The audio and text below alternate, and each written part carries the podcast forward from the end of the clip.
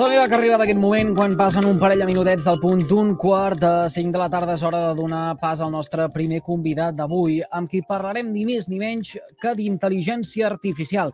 De fet, ell és un dels promotors, un dels fundadors d'una associació que, tot i haver-se presentat en societat a finals de la setmana passada, encara es troba en procés de registre, que es diu Civica Cat i que treballa, i ara llegiré textualment, perquè les persones tinguin lliure accés a la intel·ligència artificial i perquè el seu oportú i significat desenvolupament i socialització siguin ètics i pel bé col·lectiu. Ara mateix comparteix micròfons amb nosaltres el professor de Matemàtiques de la Universitat Rovira i Virgili, Manel Sant Romà. Professor, molt bona tarda i benvingut Hola, al carrer. Bona tarda. Què tal? Gràcies. Uh, per cert que el senyor Sant Romà uh, també és membre fundador de la primera xarxa ciutadana d'internet de l'estat espanyol l'any 1995, de Tinet Baixa, que segur que molts de vostès coneixeran, patró fundador del domini.cat i forma part de la Societat Catalana de Matemàtiques i de la Internet Society. Uh, dit això, senyor Sant Romà, amb la presentació de l'entitat uh, que fèiem uh, ara fa un moment, tinc la sensació que a molts ens haurà canviat la percepció que teníem fins ara del que és la intel·ligència artificial, com si haguéssim passat d'una oportunitat a una amenaça. No sé què en pensa. Bé, són les dues coses. Hi ha oportunitat i hi ha amenaces. Eh, estem davant d'una revolució tecno tecnològica, mm, probablement com no l'han viscut eh, mai en la història de la humanitat. Eh, és com si s'hagués juntat, per dir alguna cosa, la impremta amb l'energia nuclear tot d'una eh, i, a més, molt ràpid. No? La impremta va tardar centenars d'anys en, amb realment tenir un impacte tremendo amb la, amb la, amb la, amb la humanitat. L'energia nuclear va tardar molt menys, eh, dècades, i això va per anys, va per anys, eh, i és, eh, és absolutament revolucionari. Eh, grandíssimes oportunitats, grandíssims riscos. Eh, ho podríem sintetitzar així. Eh, tenim una idea equivocada eh, com a ciutadans eh, sobre què és la intel·ligència artificial. Darrerament se'n parla moltíssim eh, pels eh, famosos eh, xats eh, GPT eh, i pel fet que eh, li demanem que ens expliqui o que ens eh, redacti el que sigui i ens ho pot treure amb poc o molts encerts. A veure, eh, tenim una idea equivocada, eh, és la pregunta. Eh, Sí, probablement més que tenim una idea equivocada no en tenim ni idea, perquè, però no només, la, no només la, la, la societat, el gran públic, sinó els propis científics que, que treballen amb això. Eh, comencem per, per definir què és la intel·ligència. No? La intel·ligència és una, és una capacitat eh, humana dels individus i també eh, espècies, d'alguns animals, però com a individus hi ha, hi ha animals més intel·ligents que altres, hi ha humans més intel·ligents que altres, diem. I què és la intel·ligència? La capacitat d'aprendre, la capacitat d'adaptar-se, la capacitat de, de, de crear, d'imaginar... Totes aquestes coses, eh, tampoc molt ben definides, és el que en diem la, la intel·ligència, que fins i tot alguns eh, científics socials s'atreveixen a mesurar. No? Aquest és més intel·ligent que aquest altre, aquest té un coeficient d'intel·ligència. En tot cas, és una és una capacitat humana dels individus, no existeix una intel·ligència col·lectiva. La intel·ligència artificial ja fa set dècades que es belluga, és l'intent dels científics de la computació de que les màquines simulin, emulin, facin veure que eh, i fins i tot arribin a ser intel·ligents. No?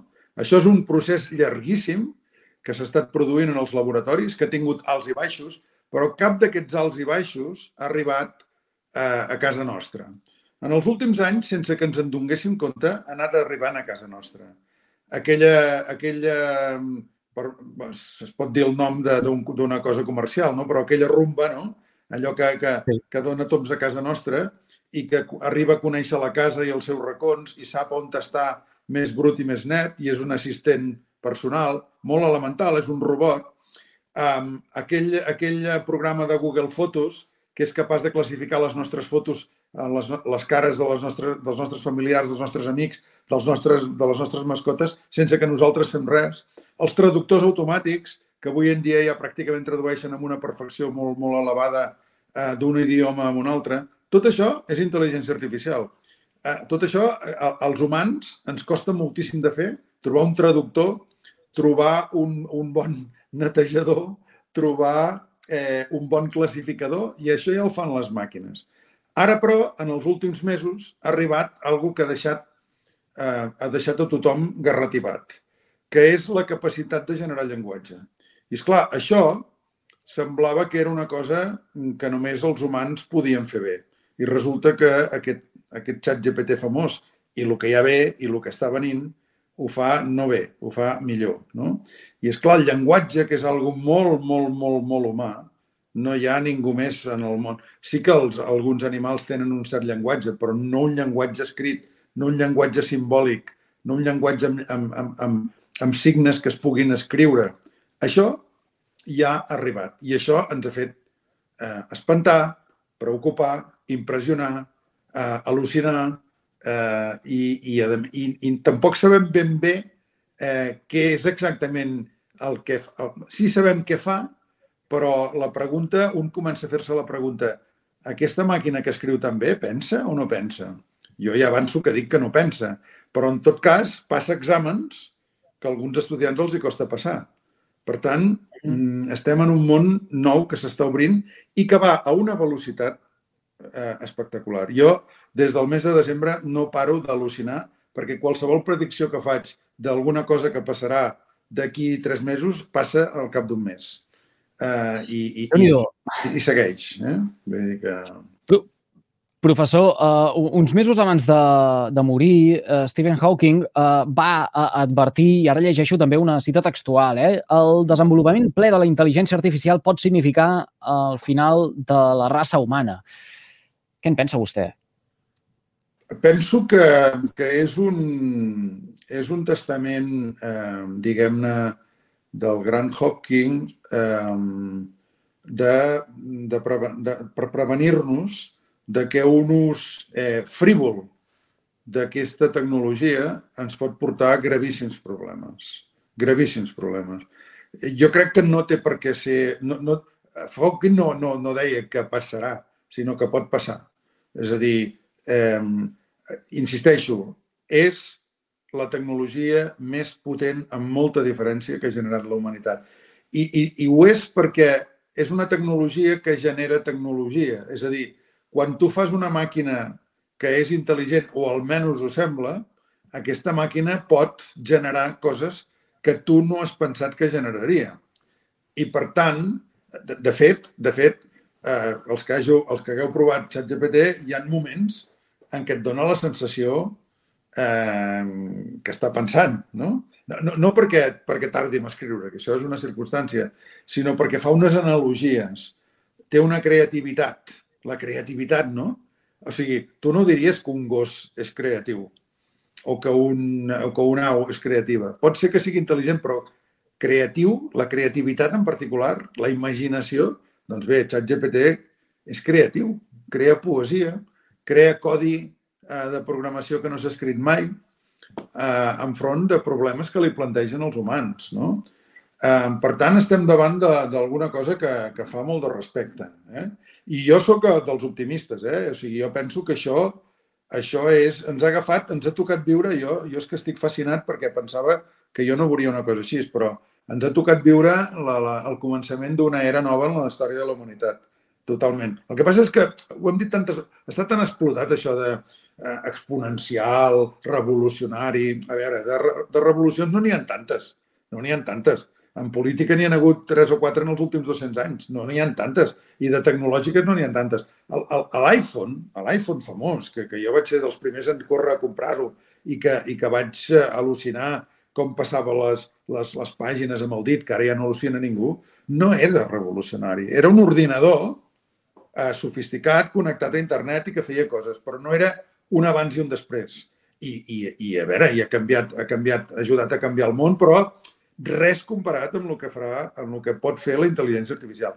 Per dir alguna cosa, posem un positiu. La intel·ligència artificial pot arribar a, a, a ajudar-nos a, a fer front al canvi climàtic.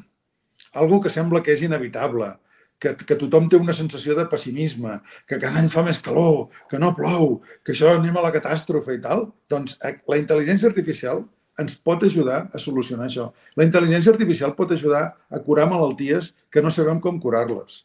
Per tant, estem davant d'una cosa potentíssima. Però, és clar també, al mateix temps, la intel·ligència artificial en mans de, si em permeteu, de gentussa, eh, no per ella mateixa, perquè, perquè ara ens aixequem i estem dominats pels robots, però en mans de, de, de gent, eh, diguem-ne, que, que, que l'utilitzi o per, o per, per mitjans, eh, diguem-ne, eh, no, no socials o perquè se li escapi de les mans, pot arribar a crear problemes que enriuten dels que crearia eh, una guerra nuclear déu nhi uh, Ara semblava que m'estés parlant d'Elon Musk uh, i, i, i destaco aquest nom perquè precisament el fundador de Tesla és una de les uh, veus notòries uh, que adverteix dels riscos de la intel·ligència artificial, però després uh, veiem també quines barbaritats pot arribar a fer el capdavant de, de Twitter. Uh, sí, fixa't que, que estem les dades també tenen tot això. Estem parlant de, dos, de dues persones, una molt intel·ligent i una altra un idiota. bueno, un idiota. No, evidentment és intel·ligent també, perquè ha fet un gran negoci però un, un frívol, no? eh, almenys l'aspecte que té. Jo, per exemple, m'he donat de, de baixa de Twitter per, per no haver d'aguantar aquest senyor, no? i que diuen el mateix. De la mateixa manera que hi ha polítics que diuen que la intel·ligència artificial és fantàstica i científics que diuen que és un perill.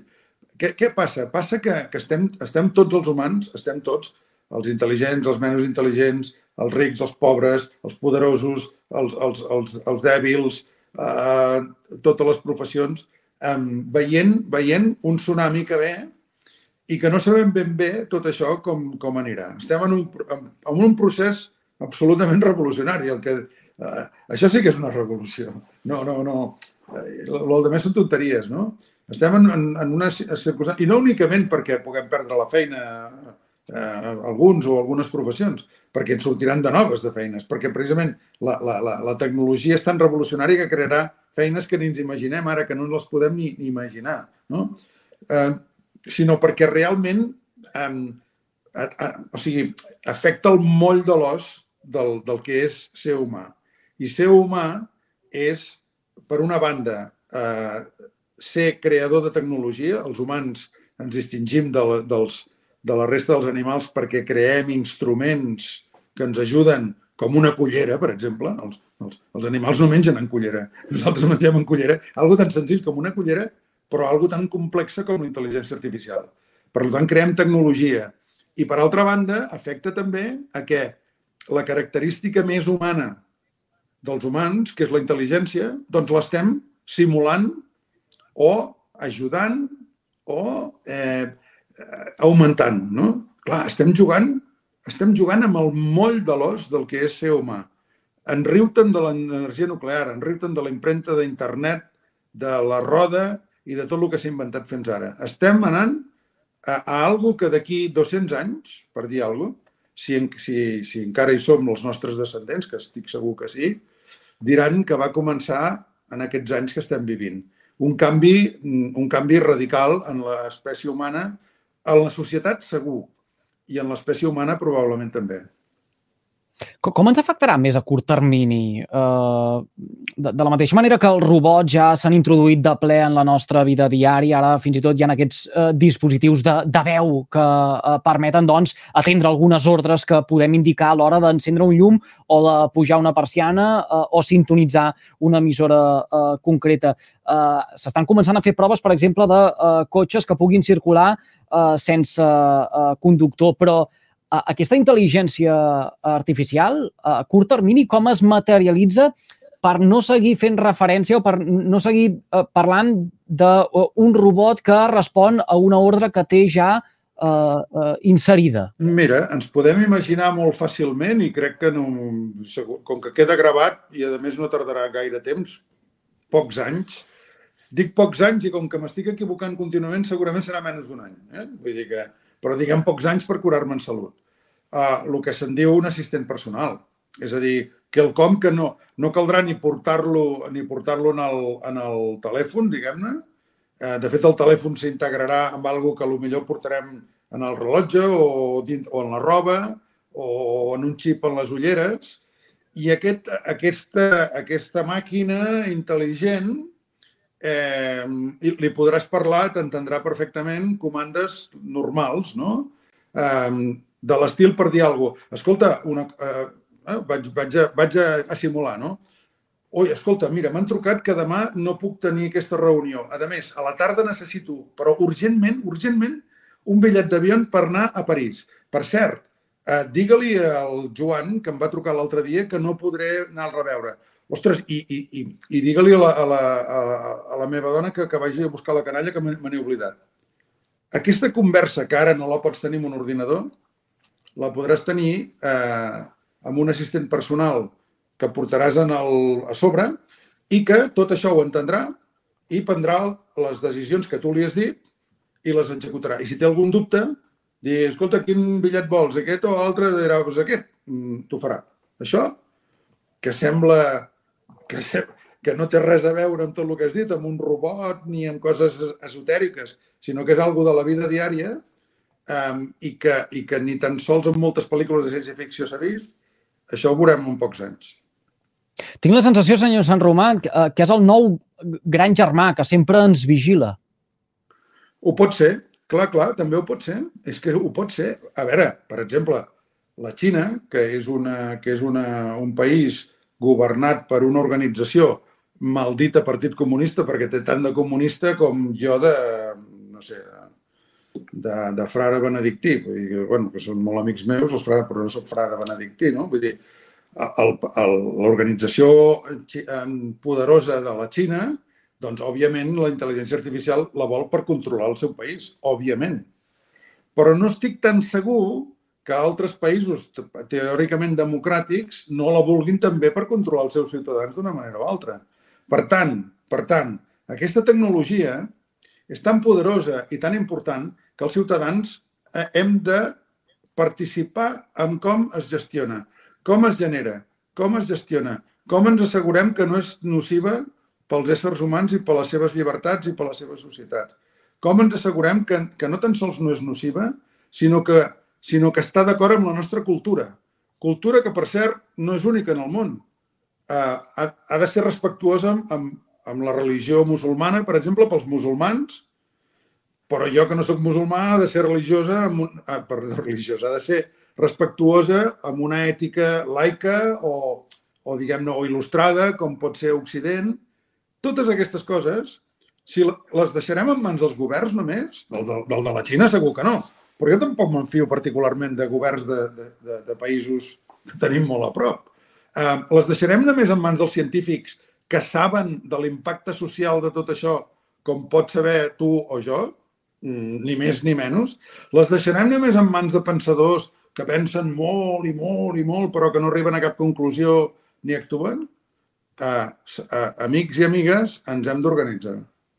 Uh, uh, o sigui, aquesta revolució no és una revolució que fan uns senyors eh, que estan en els laboratoris, també, que també la fan, ni uns senyors que estan en els palaus i en els centres de govern, que també, que també la fan, ni uns senyors que estan a les empreses fent molts calés, que també, que també la fan.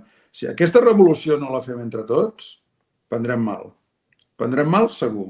Perquè llavors sí que tindrem el gran hermano, o el gran germà, o tindrem eh, un control de la, de la nostra intimitat, que, és el gran germà, o tindrem una, una pèrdua de, de saber què és la realitat i què no ho és, perquè en sec veurem vídeos en què sortirem nosaltres fent malifetes, cosa que nosaltres no hem fet mai i que seran indistingibles de vídeos que sí que, que, sí que són nostres.